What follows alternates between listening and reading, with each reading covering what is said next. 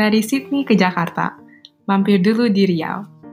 Dengerin kita bercerita hari Minggu di Podcast Ranjau. Halo semuanya, kembali lagi di episode ke-9 Ranjau, Pusing-Pusing Adulting. Nah, tema episode kali ini sebenarnya sih datang dari pengalaman gue sendiri. Jadi gue baru-baru ini melewati sebuah transisi yang kita katakan pindahan. Nah, dari pengalaman ini tuh gue menyadari bahwa ini adalah sebuah perjalanan hidup yang mendewasakan sekali. Nggak cuma dari pusing-pusing cari tempat tinggal, kontrakan itu sendiri, token PLN, baskom, ember, segalanya. Um, tapi pindahan ini juga menyadarkan gue seperti sebuah tanggung jawab kehidupan itu sendiri loh. Gimana ya dis ngejelasinnya? Mungkin juga ngejelasin ini apa um, lo lagi menikmati tinggal sendiri punya space sendiri gitu dan mm -mm. tinggal sendiri atau kayak keluar dari rumah orang tua kan salah, biasanya salah satu tanda kayak you're becoming an adult gitu loh mm -hmm. dan kadang-kadang tuh um, apa ya konsep adulting tuh da, waktu dari kecil kita mendambakan kayak oh kalau udah punya tinggal tempat tinggal sendiri terus udah bisa kerjaan sendiri semuanya bakal enak karena kayak istilahnya we control our own life gitu. Loh we mm-hmm. want to mm-hmm. plan and do whatever we want. But is it all flowers and butterflies? Gitu. Nah mungkin bisa dibahas juga di sini karena kita semua udah merasakan tinggal sendiri um, jauh dari orang tua dan kita juga uh, sudah berkarir gitu jadi udah tahu rasanya mendapatkan keuangan dan mungkin perbedaan itu semua di antara um, Indonesia dan Australia. Hmm. So, who wants to start?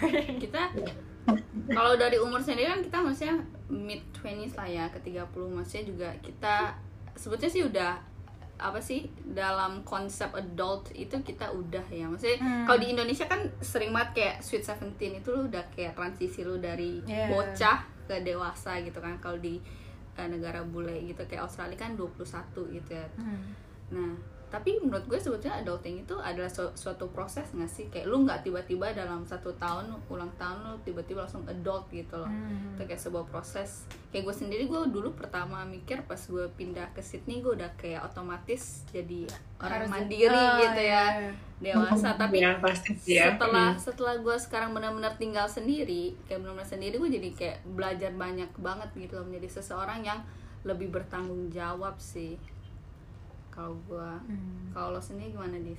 Kalau gue mungkin pengertian adulting itu sama sih. Mungkin nggak kalau di luar negeri kan biasanya orang-orang setelah lulus SMA dia udah mulai nyari tempat sendiri udah pindah dari rumah orang tuanya. Karena selalu ada norma kalau di tinggal sama orang tua setelah lo kuliah apa eh, setelah SMA pas kuliah gitu lo harus bayar. Karena lo udah cukup dewasa hmm. untuk cari kerja sendiri lo udah cukup mandiri untuk ngejalanin hidup lo sendiri sedangkan kalau di Indo tuh masih sering banget yang lo baru keluar kalau lo udah menikah gitu hmm. dan yeah. biasanya yeah. tuh um, apa konsep lo masih tinggal di rumah orang tua adalah oh lo tuh masih tanggung jawab orang tua lo orang tua lo hmm. masih harus ngebayarin beberapa uh, apa biaya hidup lah istilahnya hmm. dan uh, bener-bener ya itu semua I wish there is a guidebook gitu loh about adulting what you should know before you made all these decisions karena um, bener-bener yang gue alami adalah pengalaman sih yang jadi guru hmm. paling ampuh gue yang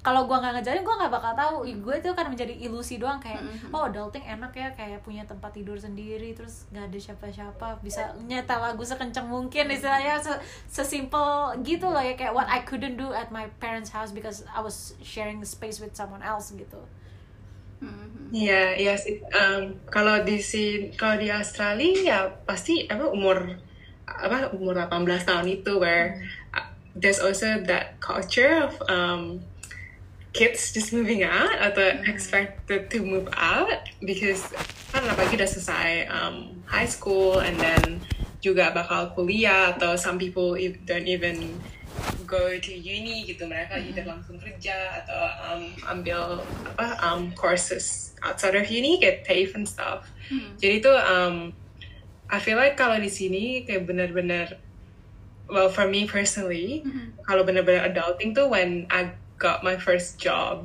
and that's when I really kayak see how the world functions in a sense and then juga um, apa juga dapat mulai dapat ini um, I guess ngerti keuangan and then all this responsibility that you kind of have to have once you have that. Because kalau udah ada um, kayak uang masuk ke um, you, you have to think about like having a bank account. And then I think having a bank account tuh kayak bener-bener kayak wow you know? Um, it's like the first adulting kind of step that you have. Habis itu kalau udah mulai dari bank account you have to think about um, pajak and sorting out your tax and and then all these boring things that you just have to do.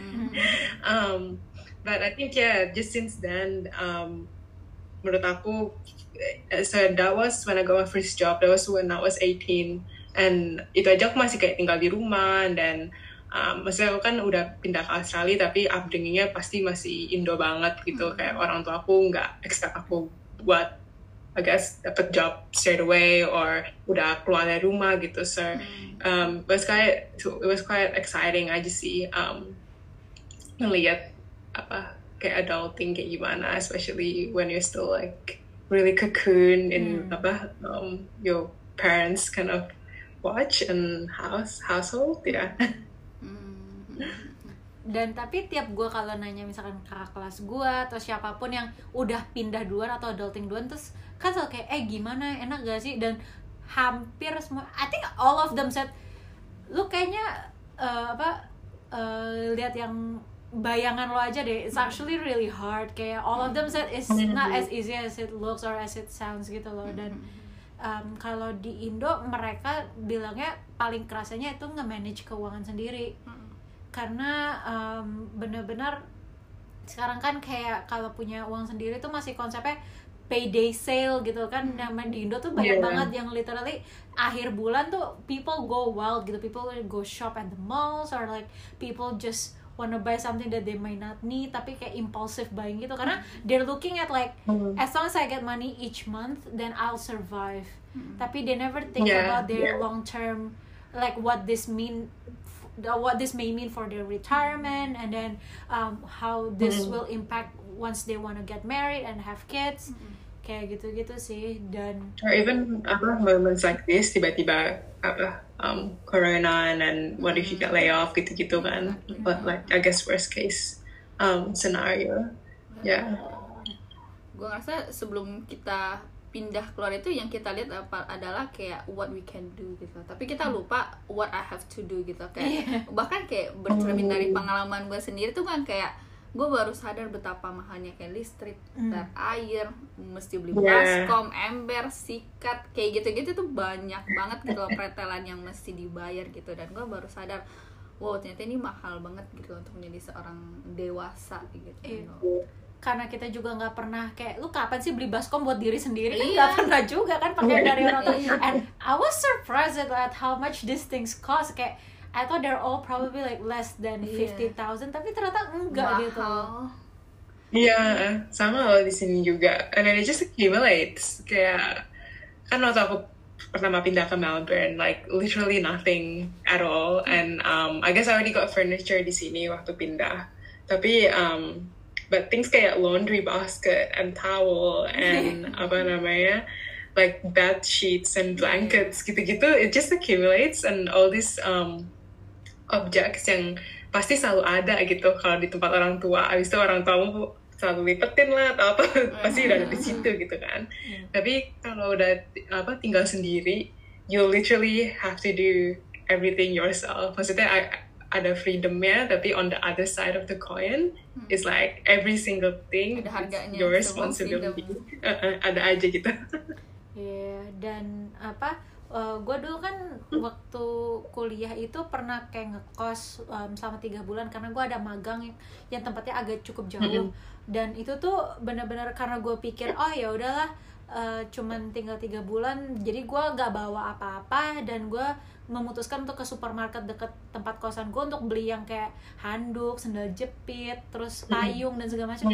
Itu tuh mahal dan I because that was my first time moving. I thought that I would need everything, tapi ternyata pas ujungnya Iya. udah dibeli semua, ternyata nggak butuh semua itu gitu loh dan Yeah, yeah, Mungkin yeah. itu sih I wish that someone had told me that oh you only need this this this this even kayak piring lu tuh nggak butuh beli 6 gitu gak butuh beli satu set kayak beli aja dua gitu Mm-mm. Iya.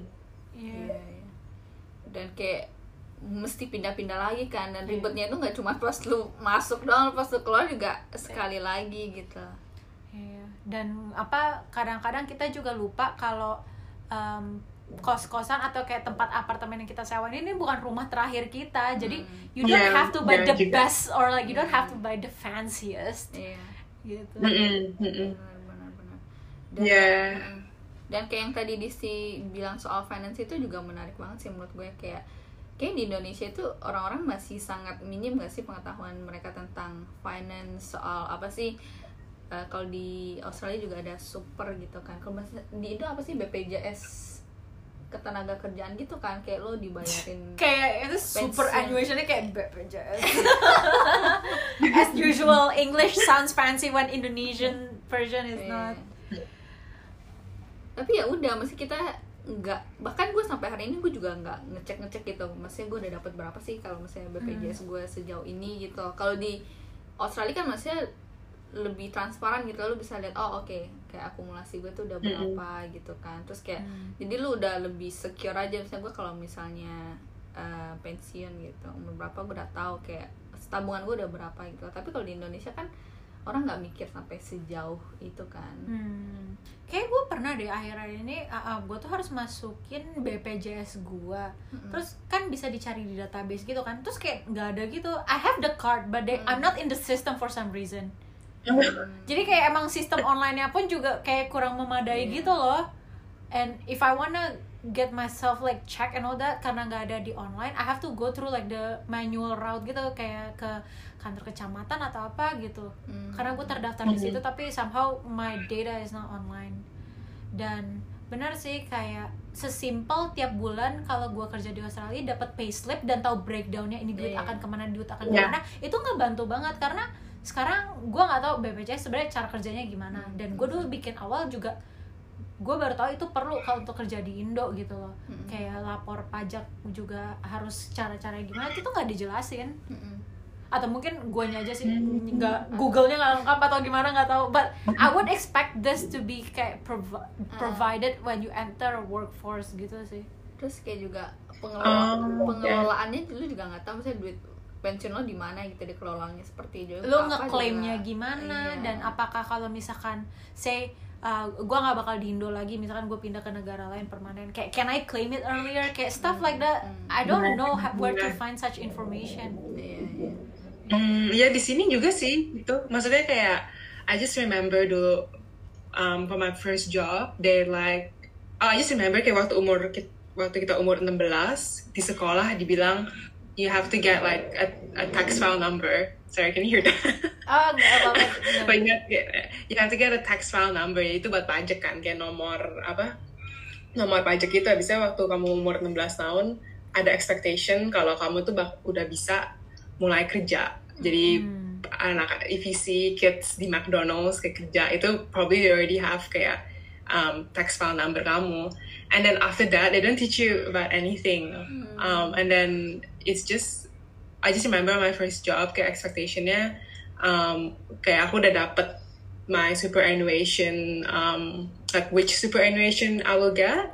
Sama I just have to provide my um, tax file number.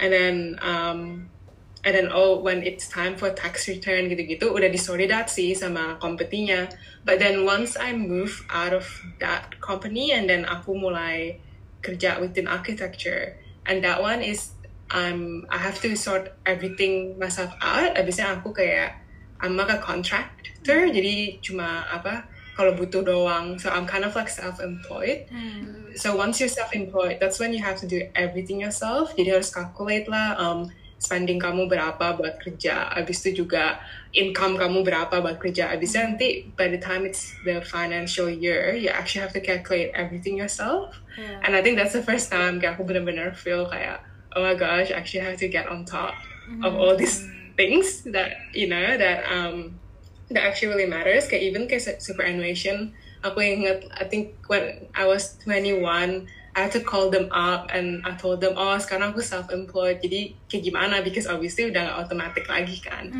And then um, I remember just being in a call for like half an hour to one hour and I'm pretty sure like the person ketawa masih kecil or something. and then he had to explain to me like every single thing about superannuation because I'm just like confused. So yeah, that's another kayak adulting moment about money and just kayak managing your money. Like even now, uh, I started actually get budgeting and then doing Excel sheets on my spending and gitu-gitu just to apa namanya um, know how your money is, which is yeah boring stuff, but I think it's worthwhile. sebelum kita dig deeper on superannuation mungkin jelasin dulu kali ya karena konsep super tuh it's a very Australian thing. I don't think Canada had super kayak they call it another term.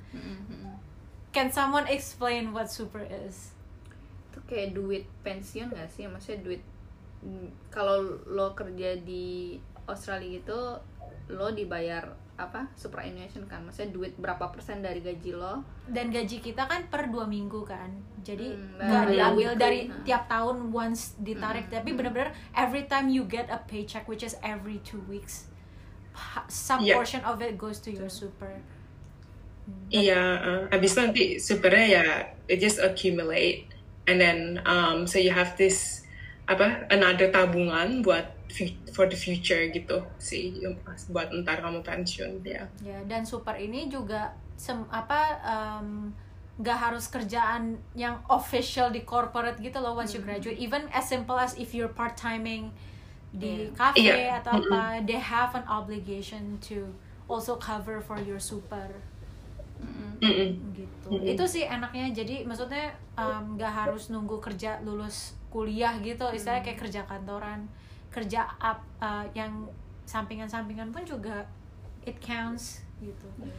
Dan gue ingat satu momen di mana eh, kayak gue di jalan gitu sama nyokap sama adik gue juga. Terus kita tuh lagi ngomongin super gitu terus nyokap kayak kaget apaan sih super? Terus kita kayak iya mah dana pensiun. Jadi um, oh I think it has something to do kayak kita baru pindah ke Indo terus kan super kita masih ada di Australia gitu kan.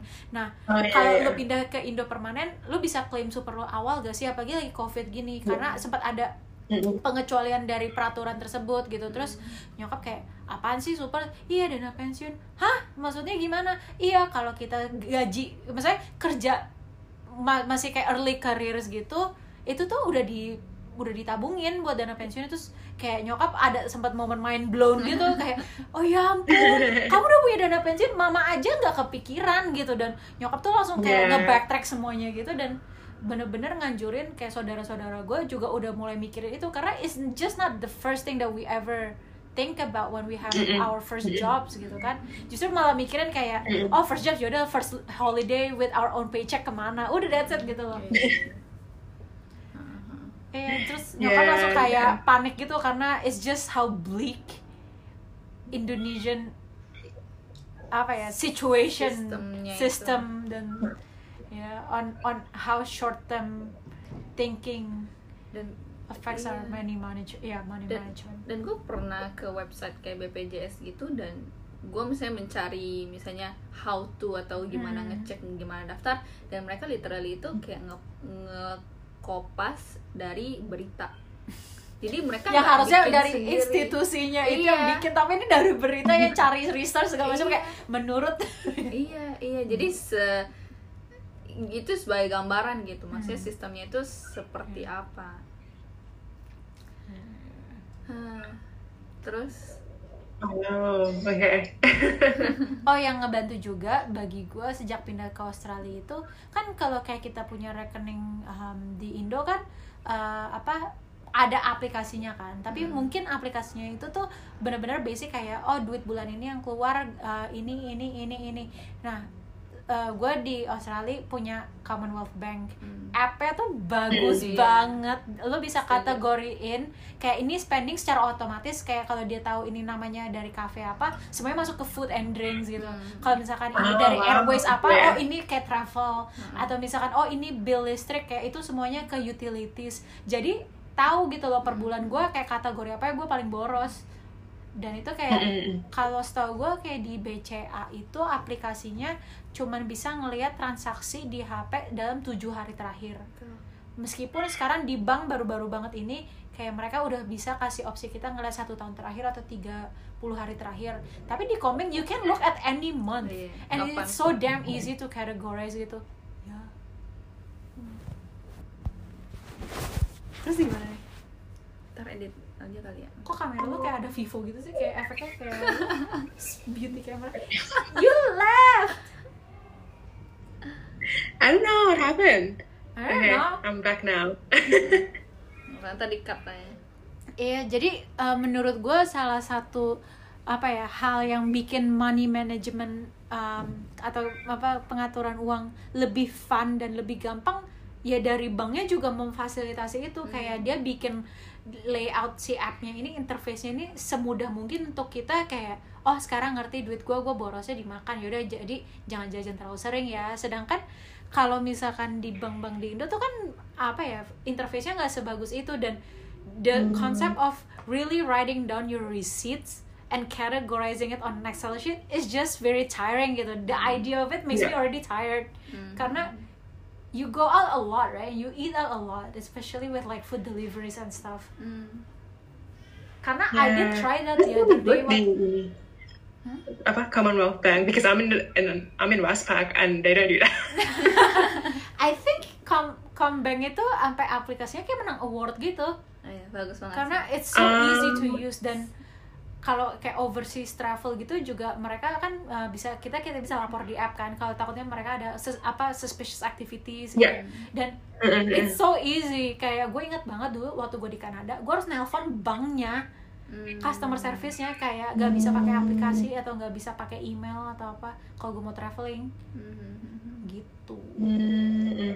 This is not sponsored by. Combank by the way. Ya, um, Combank kalau mau ngesponsorin nah, kelas ya gara Hit us up. Iya. Terus kalian um, pas lagi kayak manage manage keuangan gitu, uh, kalian ketemu nggak kayak resource yang bagus gitu that you would recommend to other people about how to manage your money better? Uh, no, I actually haven't. I've only been uh, using apa Excel sheets itu sih. Uh, like bener-bener like actually at. But the thing is, like right now, I'm not really spending a lot. Abisnya juga lagi corona kan, so then I guess it wasn't that apa um, tedious gitu. Maksudnya kayak banyak banget, nggak nggak sampai gitu sih. But I know it's not like sustainable, like writing it manually. Apalagi kok entah Yeah, I was going to emang- Yeah. ask you kayak, do you have any hacks on how to make it less tedious? Ah, no, not now. Iya. Gue nggak tahu sih masih kalau ngelihat dari pemerintahan kan ada misalnya OJK gitu kan. Hmm. Tapi tuh kayak lu ngeliatnya udah boring banget kayak ih apaan sih gitu loh kayak inklusi keuangan gitu kan. Iya.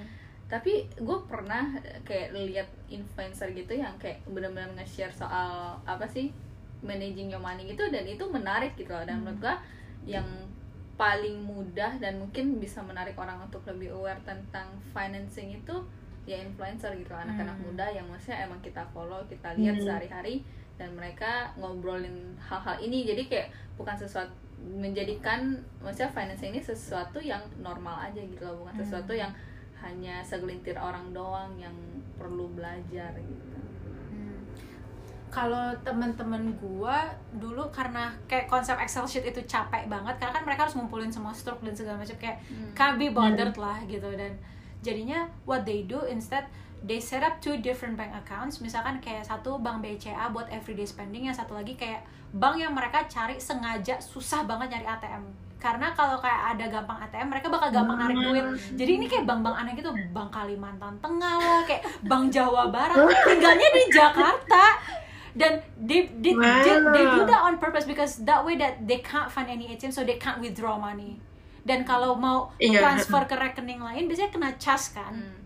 Kalau ke bank lain Ah. So they make it really Iya, iya. difficult on themselves gitu. Jadi pas tiap gaji masuk langsung kayak oke gue akan transfer setengah ke sini, setengah buat jajan gue ke bank satu lagi. Iya. Dan itu kayak work around-nya Iya. mereka gitu jadinya. Ah, that's so cool. really good self discipline though. Sampai sampai like to go that far gitu. Oh, jadi so you can stop yourself. Tapi That's a really good it's more about the limitation of the system and about Hmm. how they cannot control their impulse to Iya. shop around gitu sih. Karena kan kayak jajan yuk jajan. Nah, Iya. jajan dikit-dikit itu tuh Iya. yang akan hmm kelar habis duit lo Hmm. kan. dan sekarang di kalangan anak-anak muda Indonesia itu surprisingly banyak orang yang sekarang lebih aware untuk beli saham gitu maksudnya Hmm. duitnya ditabung dalam Ya. bentuk saham atau enggak reksadana atau apa pun itulah yang maksudnya produk-produk keuangan yang mereka ya udah maksudnya kalau uh, bisa ditarik maksudnya tapi akan lebih susah dan mereka juga maksudnya konsep nabung dan dapat dividen gitu loh. Iya. Uh, ini su- Hmm. sebuah tren yang menurut gua malah menjamur di saat pandemik gini sih karena orang jadi bosen dan dia kayak nyari-nyari tahu sendiri gitu loh jadi kayak dan juga gue dengar dari OJK kalau anak-anak muda ini numbernya growing banget gitu loh yang benar-benar membuka account dan beli-beli saham gitu Hmm. Gua nggak tahu tuh kayak beli-beli saham gitu tuh kayak gimana sih caranya? Iya, aku juga nggak ngerti. Aku nggak berani Jadi- sebenarnya. Iya. yeah, I know a lot of people do it, like a lot of young Nah. people. Bisa kayak kayak main-main aja kayak just checking on their phone and seeing what's happening. Tapi aku kayak nggak apa, like I, I really clueless about it. Hmm. Yeah. jadi itu lebih kayak misalnya kayak buka account bank aja sih maksudnya lu set up sebuah account jadi kalau di Indonesia lo itu nggak bisa beli maksudnya nggak bisa bikin account kalau lo nggak pakai jasa sekuritas gitu nah Hmm. jadi lu gimana ngecek sekuritasnya itu adalah ke website OJK gitu cek apa aja sih yang udah resmi dan lo bisa register kayak dari foto KTP isi form masukin Hmm. nomor rekening um, bank lo dan sebagainya nanti kalau udah diproses ya udah lo udah bisa beli saham dan beli saham itu semudah kayak ya udah lo misalnya mau beli saham A lu masukin harga yang lo mau beli berapa ya udah lo mau beli berapa banyak udah kayak beli beli barang aja gitu loh jadi nggak Hmm. nggak seribet yang orang-orang mikir kayak beli saham itu sangat berat dan maksudnya lo harus paham emang sih lo harus paham maksudnya lo mesti belajar gitu loh Jangan kayak beli saham yang ada di list pertama gitu, tapi Ah, itu ah. juga harus mikirkan nih perusahaan berkembangnya akan bagus. Betul. Karena kan saham juga Yeah, ada resiko yeah, kayak uh. uh, tumbang lah tiba-tiba atau apa ya. It's it's not gonna worth Mm, anything anyway. jadi emang Yeah. lo beli saham misalnya untuk lo harus tahu dulu maksudnya tu- tujuannya apa sih long term medium atau gimana gitu loh dan Hmm. setiap orang kan juga punya uh, apa sih resiko masing-masing kan lo berani beli saham buku berapa Yeah. buku satu dua tiga empat Hmm. tapi ya kalau lo baru belajar ya lo bisa harus mestinya beli saham-saham yang aman gitu loh yang misalnya kayak Hmm. perusahaan-perusahaan gede yang lo yakin dia masih bakal ada dalam kayak 10-20 tahun mendatang gitu loh Yeah. Dan bisa dari ngecek-ngecek fundamental keuangannya misalnya apakah uh, perusahaan ini memberikan dividen ataukah dia labanya tahun ini berapa apakah naik turun kayak hal-hal semacam itu emang harus dipelajarin sih sebelum beli saham Hmm. Tapi ini generational gap banget ya karena gue ingat banget nyokap tuh malah pas gue ngomongin mah gimana sih beli saham karena gue juga nggak ngerti background gue bukan di keuangan. Terus Yeah. Nyokap tuh langsung bilang jangan beli kalau kamu mau nabung. Kalau itu beli saham tuh kayak risky banget. Malah nyokap balik ke Yeah. traditional konsep kayak mendingan kamu beli emas atau logam mulia karena harganya selalu naik. Terus gue kayak Yeah. it just doesn't sound hip gitu. Kayak Iya, you iya. buy gold kayak apa sih? Dua kilo emas taruh di lemari. Karena nyokap bilang kayak iya emas tuh dari krisis aja justru kayak selalu naik terus. Kayak meskipun naiknya dikit-dikit but it's always almost of the like all the time it's going up gitu loh the prices terus gue kayak dan Hmm. emas ini menarik sih menurut gue karena gue misalnya lu beli misalnya lu ke apa sih Gojek gitu ya hmm, lu ada duit lebih gitu selalu ada kayak nabung emas, Emas. gitu kan Oh. jadi lu bi- udah bisa beli emas online gitu loh lu bisa nabung emas nah menurut gue itu konsep yang sangat menarik gitu orang udah udah bisa nabung beli emas nggak usah emas fisik gitu loh. Iya. emas digital can you imagine kayak when you order Uber Eats terus kayak oh use your remaining balance to invest in gold kayak what? Eh, tapi gue itu gue maybe that's how we gue attract young people. sih, Iya. maksudnya apakah abis beli terus kayak akumulasi terus gimana? Apa kalau bisa jual, lu bisa apain emas lo? kayaknya mereka bisa kerja sama-sama Antam. So Antam is basically like the government institution that basically regulates the gold or like any precious metals gitulah dan um, jadi mereka tuh kayak by the time you save up for something kayak harganya ya at that day gitu. Jadi kayak disimpan sama mereka. I think when you reach like a certain amount if it qualifies to like 5 grams atau 100 grams of gold you can take it home. Jadi literally kayak installment gitu sih konsepnya mereka.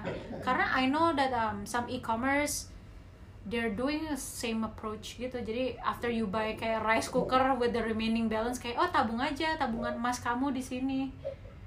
I don't know how easy it is tapi lebih kayak this kind of like serve as an intermediary between Antam and the customers gitu. Karena kalau misalkan if you go Okay. directly to buy gold kayak you're expected to already have the money kayak gak bisa nyicil kan kecuali if you wanna Yeah, yeah. go nyicil ke toko perhiasan atau emas gitu-gitu. Tapi um, there's also a risk that kalau di Antam kan it's always the original certificate so you cannot dupe it kan nah kalau di yang beli toko emas itu biasanya orang yang ngejual butuh uang cepat pengen dicairin. So di they just Iya, ya uh-uh. kan? Dan apa there's a risk kayak oh sertifikatnya palsu kayak nggak tahu nih otentik apa enggak Iya. gitu sih. Jadi they're kinda like bridging it. So it's kinda like ya gold saving sih Menarik sih ya, maksudnya gue karena gue selalu lihat, maksudnya jadinya hal yang biasa. Tapi kalau di luar negeri, hah saving emas, uh, abis lu Eh. beli makanan itu kan sesuatu yang kayaknya Iya. agak nyeleneh tapi juga bermanfaat banget gitu kan. apa ya Australians tuh Yeah. investnya dari mana ya do they invest in like stocks as well kayak young people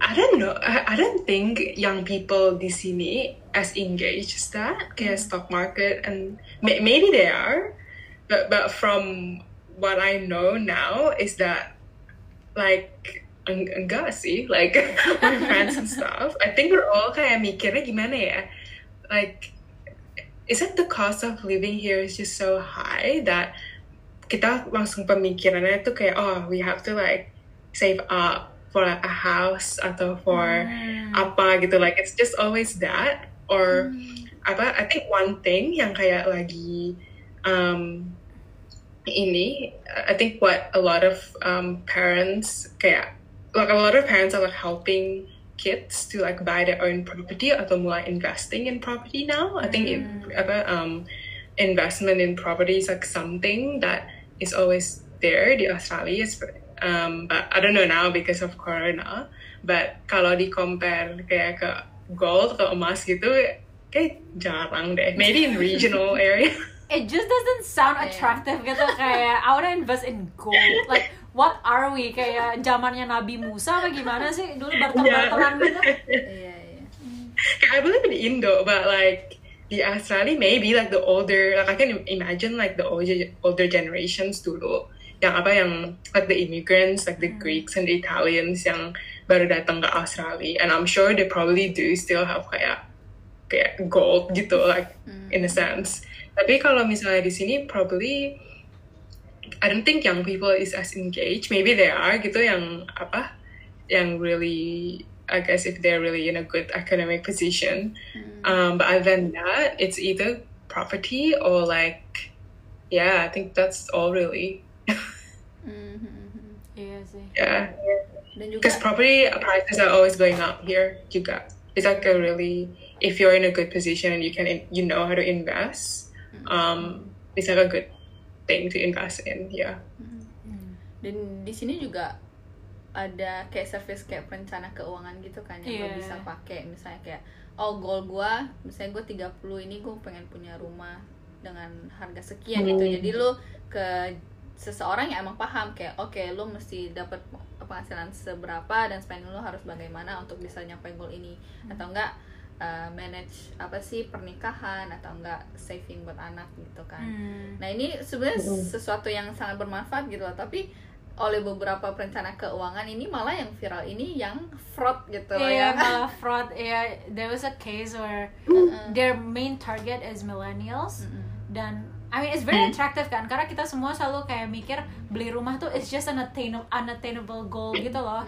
gara-gara it's so damn expensive terus kayak UMR gajinya how are we ever gonna purchase a house? Jadi this concept of financial planner is very attractive dan the way they speak kayak di marketingnya gitu segala macam kayak they use slangs jargon so it makes it more approachable dan Yeah. lo and behold semua customernya mereka tuh disarankan untuk invest di saham si perusahaan lain ini. Nah perusahaan lain pas diterusin telusuri is there other sister company gitu loh. So when they all found out dan apa uh, mereka punya permit juga gak sih?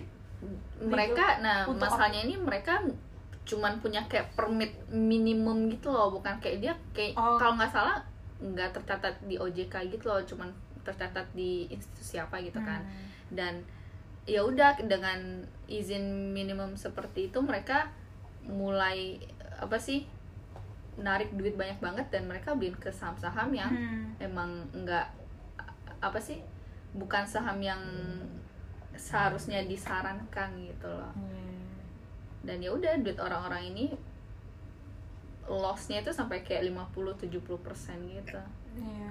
Itu sedih banget Wow, sih gila ya. Dan maksudnya mereka aja gajinya juga istilahnya masih belum gede-gede banget kan baru early career Iya. gitu dan it Mulai-mulai. all ya. went to the air iya.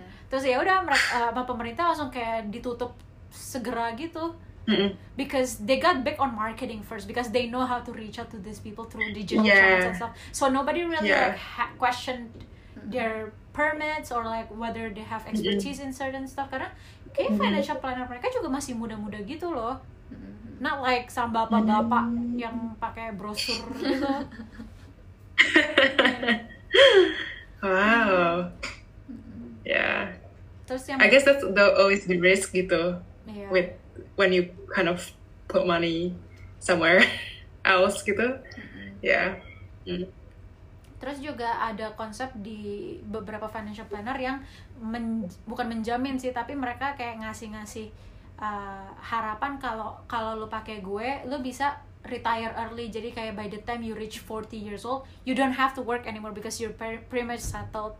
Kayak sempet si Raditya Mhm. Dika tuh kayak pakai si jasa ini gitu dan dia ngerasa terbantu banget. Tapi um, untuk pakai financial planner lu juga harus jujur kayak aset yang lu punya tuh udah apa aja dan duit lu sekarang berapa aja dan nanti, nanti baru mereka kayak ngejabarin gitu kayak oh untuk lu kayak pengen retire umur 45 lu harus kayak gini sekarang basically kayak hidup minimalism terus um, Yeah. just be realistic aja kayak yang pengen-pengen tuh ditahan-tahan dulu kalau lu beneran mau retire Mm. kayak istilahnya susah-susah sekarang untuk menikmati nanti gitu Yeah. Yeah. tapi hal-hal seperti itu sangat tidak menarik nggak sih untuk anak-anak muda yang sekarang semua kayak serba yolo gitu loh kayak kenapa gue mesti nabung gitu loh kalau Iya, mendingan gue beli sepeda Hmm. Brompton Iya. gitu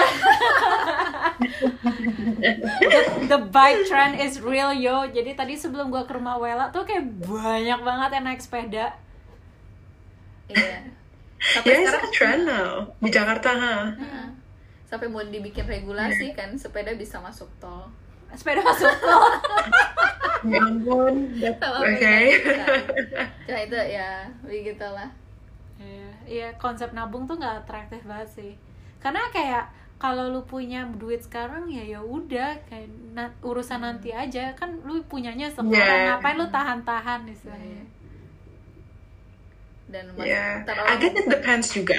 Like that end goal that you have um, with what you want to spend on kayak entar ya. Like I think apa kalau misalnya kamu emang belum ada goal apa-apa, itu juga mikir kalau mau um, beli rumah tuh kayak masih entar banget. Hmm. It's like yeah, like why not like spend it now? But then I guess kayak personally for me, like I think I'm. It's because I have to do my masters that really ini um help me to be like okay, you actually have to like stop spending too much because entar like how are you gonna pay for that or especially entar bakal move out. I think you always need that little push atau some kind of like situation where you're like okay now you actually have to kind of really watch where your money is going Hmm. and maybe that's yeah when you actually move out atau um, maybe because of corona juga lah atau apa maksudnya um, but I understand kalau misalnya tuh kalau emang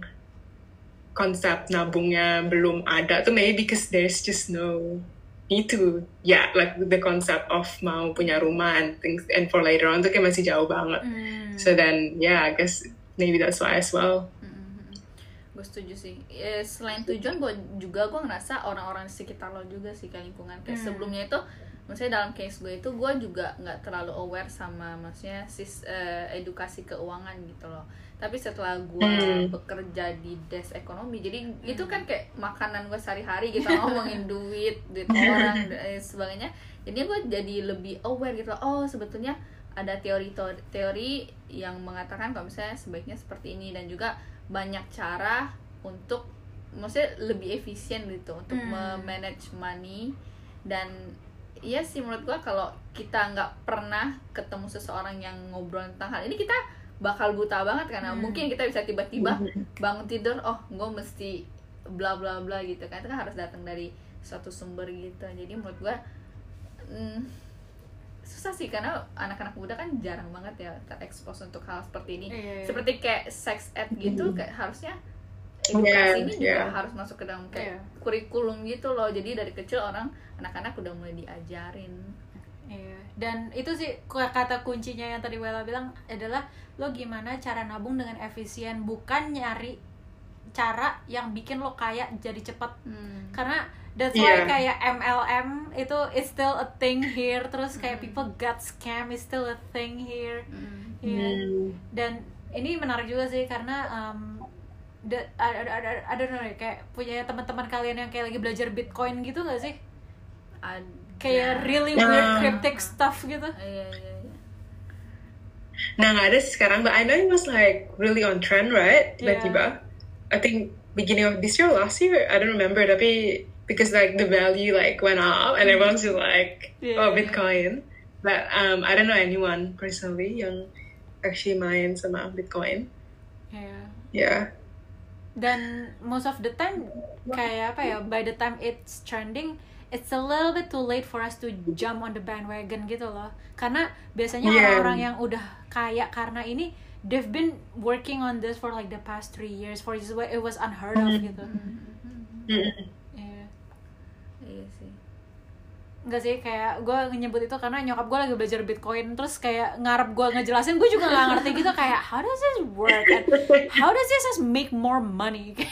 iya Yeah. dan di sini tuh banyak banget kayak service-service yang maksudnya menjanjikan orang untuk maksudnya generate money yang gede banget kayak ada yang Hmm. bilang harus taruh duit misalnya saldo berapa terus kerjaannya dia cuma ngeklik ngeklik Nah, iklan iya. doang terus tuh dapat duit gitu kan kayak Iya. konsep-konsep kayak gitu orang kan tertarik maksudnya kayak oke gue bisa mendapatkan uang dengan cara yang mudah gitu Mhm. kan Mhm. dan maksudnya ini lu nggak tahu ujungnya akan seperti apa gitu loh Iya, bener sih. Ya kayak saham aja, kayak lo naro terus lo cuman ngebuka aplikasi saham lo, lo nggak ngapa-ngapain, lo nggak kerja di perusahaannya, lo Iya. juga nggak bikin keputusan strateginya, ya cuman duduk manis. Mm. Ya, tapi coming apa going back to adulting, um, ada lagi nggak sih yang benar-benar kalian baru ngerasa tuh atau baru tahu pas ya when you move out atau kayak when you become an independent person or trying to be an independent person if anything? Um, you have to feed yourself. I know that's Benar, sounds benar. that's one as well. Iya, gimana ya? lu harus masak. Kan ya harus masak I, I know like apalagi apalagi sekarang kayak covid everyone's like oh yeah you know home cooking and like things like that. Like it's a good thing but there are some days ada yang kayak you just don't want to cook.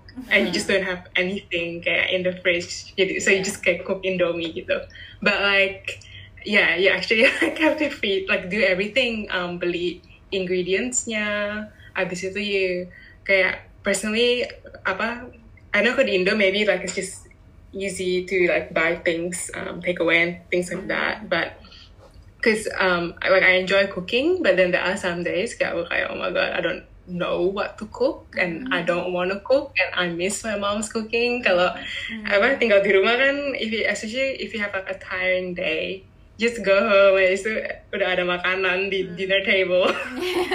And then you just sit down and eat. Tapi itu kalau di kalau udah tinggal sendiri it's like kalau if you're tired and you're like, oh my god, you just, sometimes you just don't feel like eating juga, and then but then you'll regret it. but um, yeah, yeah, you have to actually like feed yourself um, from about buying the ingredients, cooking it, and yeah, and washing up and stuff. Iya. put more effort into living sih maksudnya kayak lo kayak Hmm. kita maksudnya sebagai seseorang yang di rumah bisa dimasakin emak kita kita tuh kayak nggak kepikiran kayak ini sesuatu yang harusnya gue lakukan gitu ini Iya. adalah maksudnya daily Mm. task aja gitu tapi begitu kita hidup sendiri kayak harus lebih disiplin waktu nggak sih kayak Iya. lo mesti bangun jam segini lo Iya. mesti ngelakuin ini dededed. Yeah. Cuci baju ngepel apa semua itu Mm. udah jadi kayak task tuh kalau sebelumnya kan lo mungkin kayak ah gue nggak perlu ngelakuin hal seperti itu gitu loh Iya. Dulu di rumah orang tua, cooking is like a fun thing, kayak it's a Hmm. therapeutic trying Yeah. new recipe. Sekarang kayak Yeah, gua harus makan kalau gue mati istilahnya gitu kan. yeah, exactly. But that's what I'm saying. That you actually have to feed yourself. Dan makanan tuh kayak lu dari buka di dari lemari atau dari kulkas, it doesn't turn on its own kayak you have to peel, you have to slice, you have to. Iya. heat up gitu. gitu. Malah the act of eating itu mungkin cuma 5 menit tapi the act of prepping and like Iya. washing everything like an hour on Yeah. its own gitu loh. Yeah. Hmm. Aduh, iya sih. Dan itu juga jadi bikin gue kayak nyari-nyari resep yang gampang dan beli bumbu yang versatile gitu karena awal-awal Yeah. gue pindah Mm. itu gue excited banget untuk ah yes kayak bisa masak sendiri dan kayak gue nggak harus Mm. masak masakan Indo nih gue mau nyobain uh, resep Vietnam lah atau apa terus udah beli beli beli bahan I don't wanna eat Vietnamese food like every day kan jadi kayak what do I do Yeah. with this fish sauce or like what do I do with this exotic sauce that I bought just for like one Yeah, time exactly. Juga. Uh-uh. jadi kayak and then that's buang- I think that yeah that's when it comes down to like even kayak grocery shopping um kayak beli sendiri itu kadang-kadang gimana ya like cause you you're alone ketinggal sendiri and then you end up buying so much and it's Oh just iya, portion control juga. pantry. Iya. Iya, dan kalau misalnya sama keluarga kan at least you're buying um you're buying for a lot of people and then bakal dipakai lagi kan. And I guess it's the same as when you cook atau um, makan. Like, cause when I cook, like I don't cook just like one portion. Iya. Like I would cook bakal empat atau lima, right? But then you get so bored by the end of it. Iya. And you're like, oh my god, I wish this food is like finished already. Iya. Um, but yeah, that's I guess that's one thing. Yeah, I miss sih. Kalau bisa tinggal di rumah, at least you have variation of food and even when you buy ingredients, itu tuh pasti emang bakal habis gitu. Iya. I guess it's just not gonna be left in the pantry for like years, I guess. Hmm. Dan kalau grocery shopping, shopping sih kayak bedanya waktu sama orang tua sama sen- sama sendiri itu, you're just more mindful on how much these things cost gitu loh. Kalau dulu kan sama orang tua kayak Yeah. ke supermarket, eh Yeah. lucu nih beli biskuit ini, terus kayak sekarang kayak yeah. do I really want to be spending this for a biscuit gitu? iya iya benar. Iya. Dan atau enggak kayak ya udahlah minyak sama aja lah semuanya kayak beli aja yang minyak Iya. zaitun yang murah atau apalah Hmm. Atau kayak telur sama aja lah semua gitu kan. Kayak you just yeah you're more mindful of that. Hmm. dan juga mungkin belajar lebih banyak soal problem solving gak sih? Kayak misal hal bahkan kayak banyak semut gitu dan lo kayak apa sih bisa gue lakukan? Beli kapur apa Iya. gitu atau enggak? Apa sih bisa Iya. ada bau apa? Kayak hal-hal kecil seperti itu lo Hmm. ju- jadi lebih belajar banyak sih kalau tinggal sendiri. Yeah Fania sendiri yang paling senior tinggal sendiri gimana Van mungkin ada catatan penting lainnya Um, mungkin tips apa ya tips oops, apa tapi ya? does it get I'm actually over apa namanya? Hmm, learning as we go in a Yeah. sense. Yeah, learning as you go sih, like what suits you. At, apalagi apa yang tadi juga si Disti bilang kan, you, you, do have control of everything. So, jadi kayak freedomnya emang benar-benar um, luas. Like you can literally do whatever you want, and you know no one's gonna tell you off kalau ada yang kotor or like things like that. Just say it really depends. Um, kayak standar kamu lagi apa in terms of living alone. Tapi um, yeah, sometimes I think the tiring thing is sometimes you do have to do everything yourself, but then um, at the end of the day kan yeah, you have to take care of you juga, and that's I guess how like the way you live too. So just make sure whatever standards of living you want, make sure it's good buat your mental health juga gitu. Don't make it um, like stressful yourself for yourself. I guess yeah. Find that balance juga. Kayak gimana kamu mau tinggal sendiri and things like that. It's been it's been fun for me. Like I like it living alone because um, you learn a lot in terms of responsibility.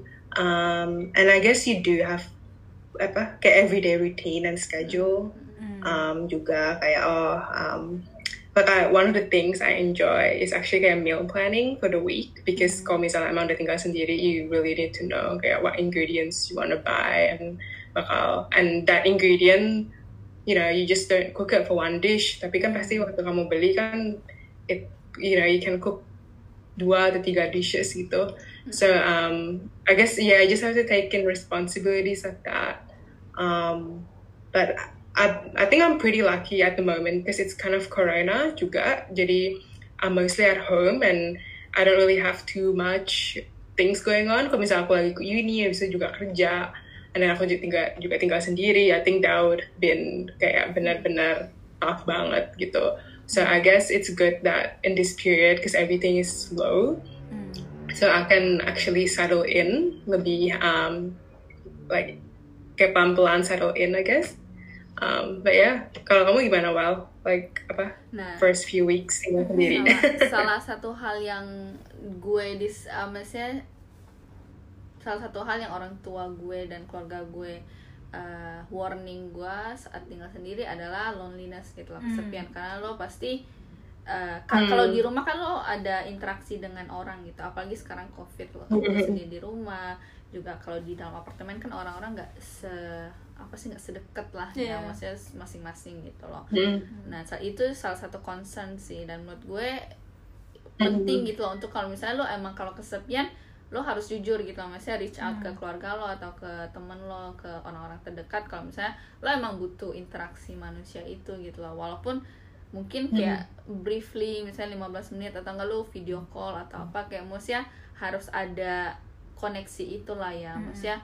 Dan kadang kan orang banyak yang bahkan sampai lupa gitu loh karena sibuk dan sebagainya tapi ngerasa di dalam dirinya itu sepi gitu loh. Hmm. karena dia sendiri gitu loh ngerasa sendiri dan lo ngerasa Hmm. harus self sufficient terus gitu kan. Padahal enggak kok lo bisa mencari pertolongan kayak ngomong ke teman atau orang tua dan sebagainya. Itu sih yang menurut gue mungkin gue too early lah ya maksudnya gue baru seminggu tinggal sendiri. Tapi gue rasa itu sesuatu yang penting banget sih untuk kita aware gitu loh kalau tinggal sendiri.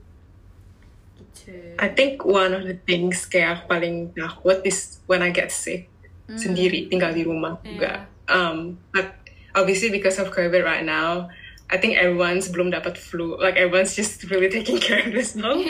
Jadi belum batuk lah atau flu lah atau cold. Tapi kalau misalnya if I do entar like in the future I get sick, habis itu juga nggak ada siapa-siapa. I think that's I think one of the things aku I'm worried because um, I know you can always get reach out and things, but then you actually have to like take care of yourself when you're sick. And usually kalau misalnya kamu sakit kan kalau tinggal sama orang tua gitu kan pasti ada yang nanti bawa, bawain air hangat atau kasih obat gitu-gitu. Like there's someone there to look out for you. Tapi kalau tinggal sendiri and kamu lagi sakit, you're the only person that has to kind of look out for yourself. So um, I think that's one of the things juga yang harus um, you have to be aware of. Yeah. Itu concern nyokap gue sih kayak kalau tinggal sendiri waktu pindah aja tuh kayak kalau kamu tinggal sendiri nanti kalau sakit gimana gitu kan Iya, lebih yeah. iya kayak um, hidup sendiri itu ada plusnya juga tapi minusnya tuh juga separah itu kayak maybe in my personal experience there's not much of minuses kayak I've been enjoying living on my own juga gitu Yeah. Um, karena lebih banyak good habits yang bisa lu terapkan sih kayak lu bisa kembangin untuk ngejaga semua ini. Cuman ya ya ya itu. Yang kedua itu adalah lu harus on top of things. Terus yang ke yang satu lagi ya loneliness. Yang satu lagi ya sakit. Makanya um, kalau misalkan lo pindah just try to have someone within your kos kosan atau your apartment. Just know Yeah. someone else gitu sih as a as a Yeah. contact. Karena Yeah. kalau lo kayak apa nggak tahu gitu orang yang lain kayak gimana nggak bisa tahu kondisinya kan ya gimana kayak we can't help them Hmm. so at least just make some Mm. friends kayak kenalan aja kayak sama tetangga Iya. check on them as well benar dan ini kayak sebuah konsep menarik sih jadi gue tiba-tiba kepikiran apakah ini hal-hal yang membuat banyak orang tua kita tuh yang kayak kapan nikah gitu mungkin dia tuh khawatir kalau kita bakal seumur hidup itu tinggal sendiri dan Oh, dia iya. tahu maksudnya betapa Yeah. Maksudnya ya betapa kesepiannya gitu loh kalau lo harus seumur hidup itu tinggal sendiri gitu loh dan mungkin itu kayak sebuah tuh bentuk khawatir dan sayang orang tua gak sih tapi kita tuh kayak sekarang kayak apaan sih kok baru umur segini kok disuruh nikah sih kayak gitu. tabungan aja masih Iya. secuil nih lagi suruh hidup berdua gitu lah kan itu. Iya. Iya. makanya di Yeah. beberapa negara Eropa I know in Sydney as well konsep co-living itu malah justru lagi bertumbuh sekarang gara-gara orang yang udah kebiasa berumur-umur tinggal sendiri and they feel lonely and they just rather to have a communal space again gitu loh. Mm-mm. malah justru orang-orang malah balik ke communal living gitu which I think is quite interesting. Karena di Indo we're so used to the idea of kos-kosan which is literally the fancy version Iya. of um, di Australia ada Hmm. si co-living space ini gitu. Iya. Yeah, I guess um, kayak di Indo itu jarang juga kayak ini ya kayak house sharing. Is there such thing? Kayak satu rumah tapi ada beberapa kamar and then they're all rented out differently.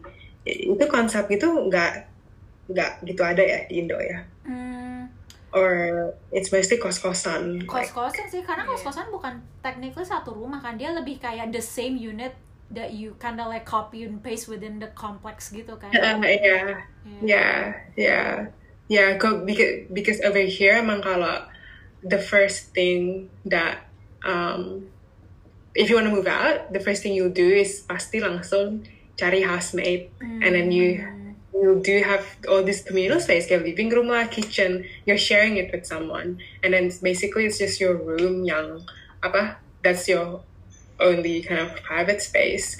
So um, yeah, it's a- I guess it's a different concept banget sih. Um, because kalau di sini, I guess things kayak kos-kosan itu kan, I guess that kind of equates to studio apartment kan di sini, but that's like really expensive.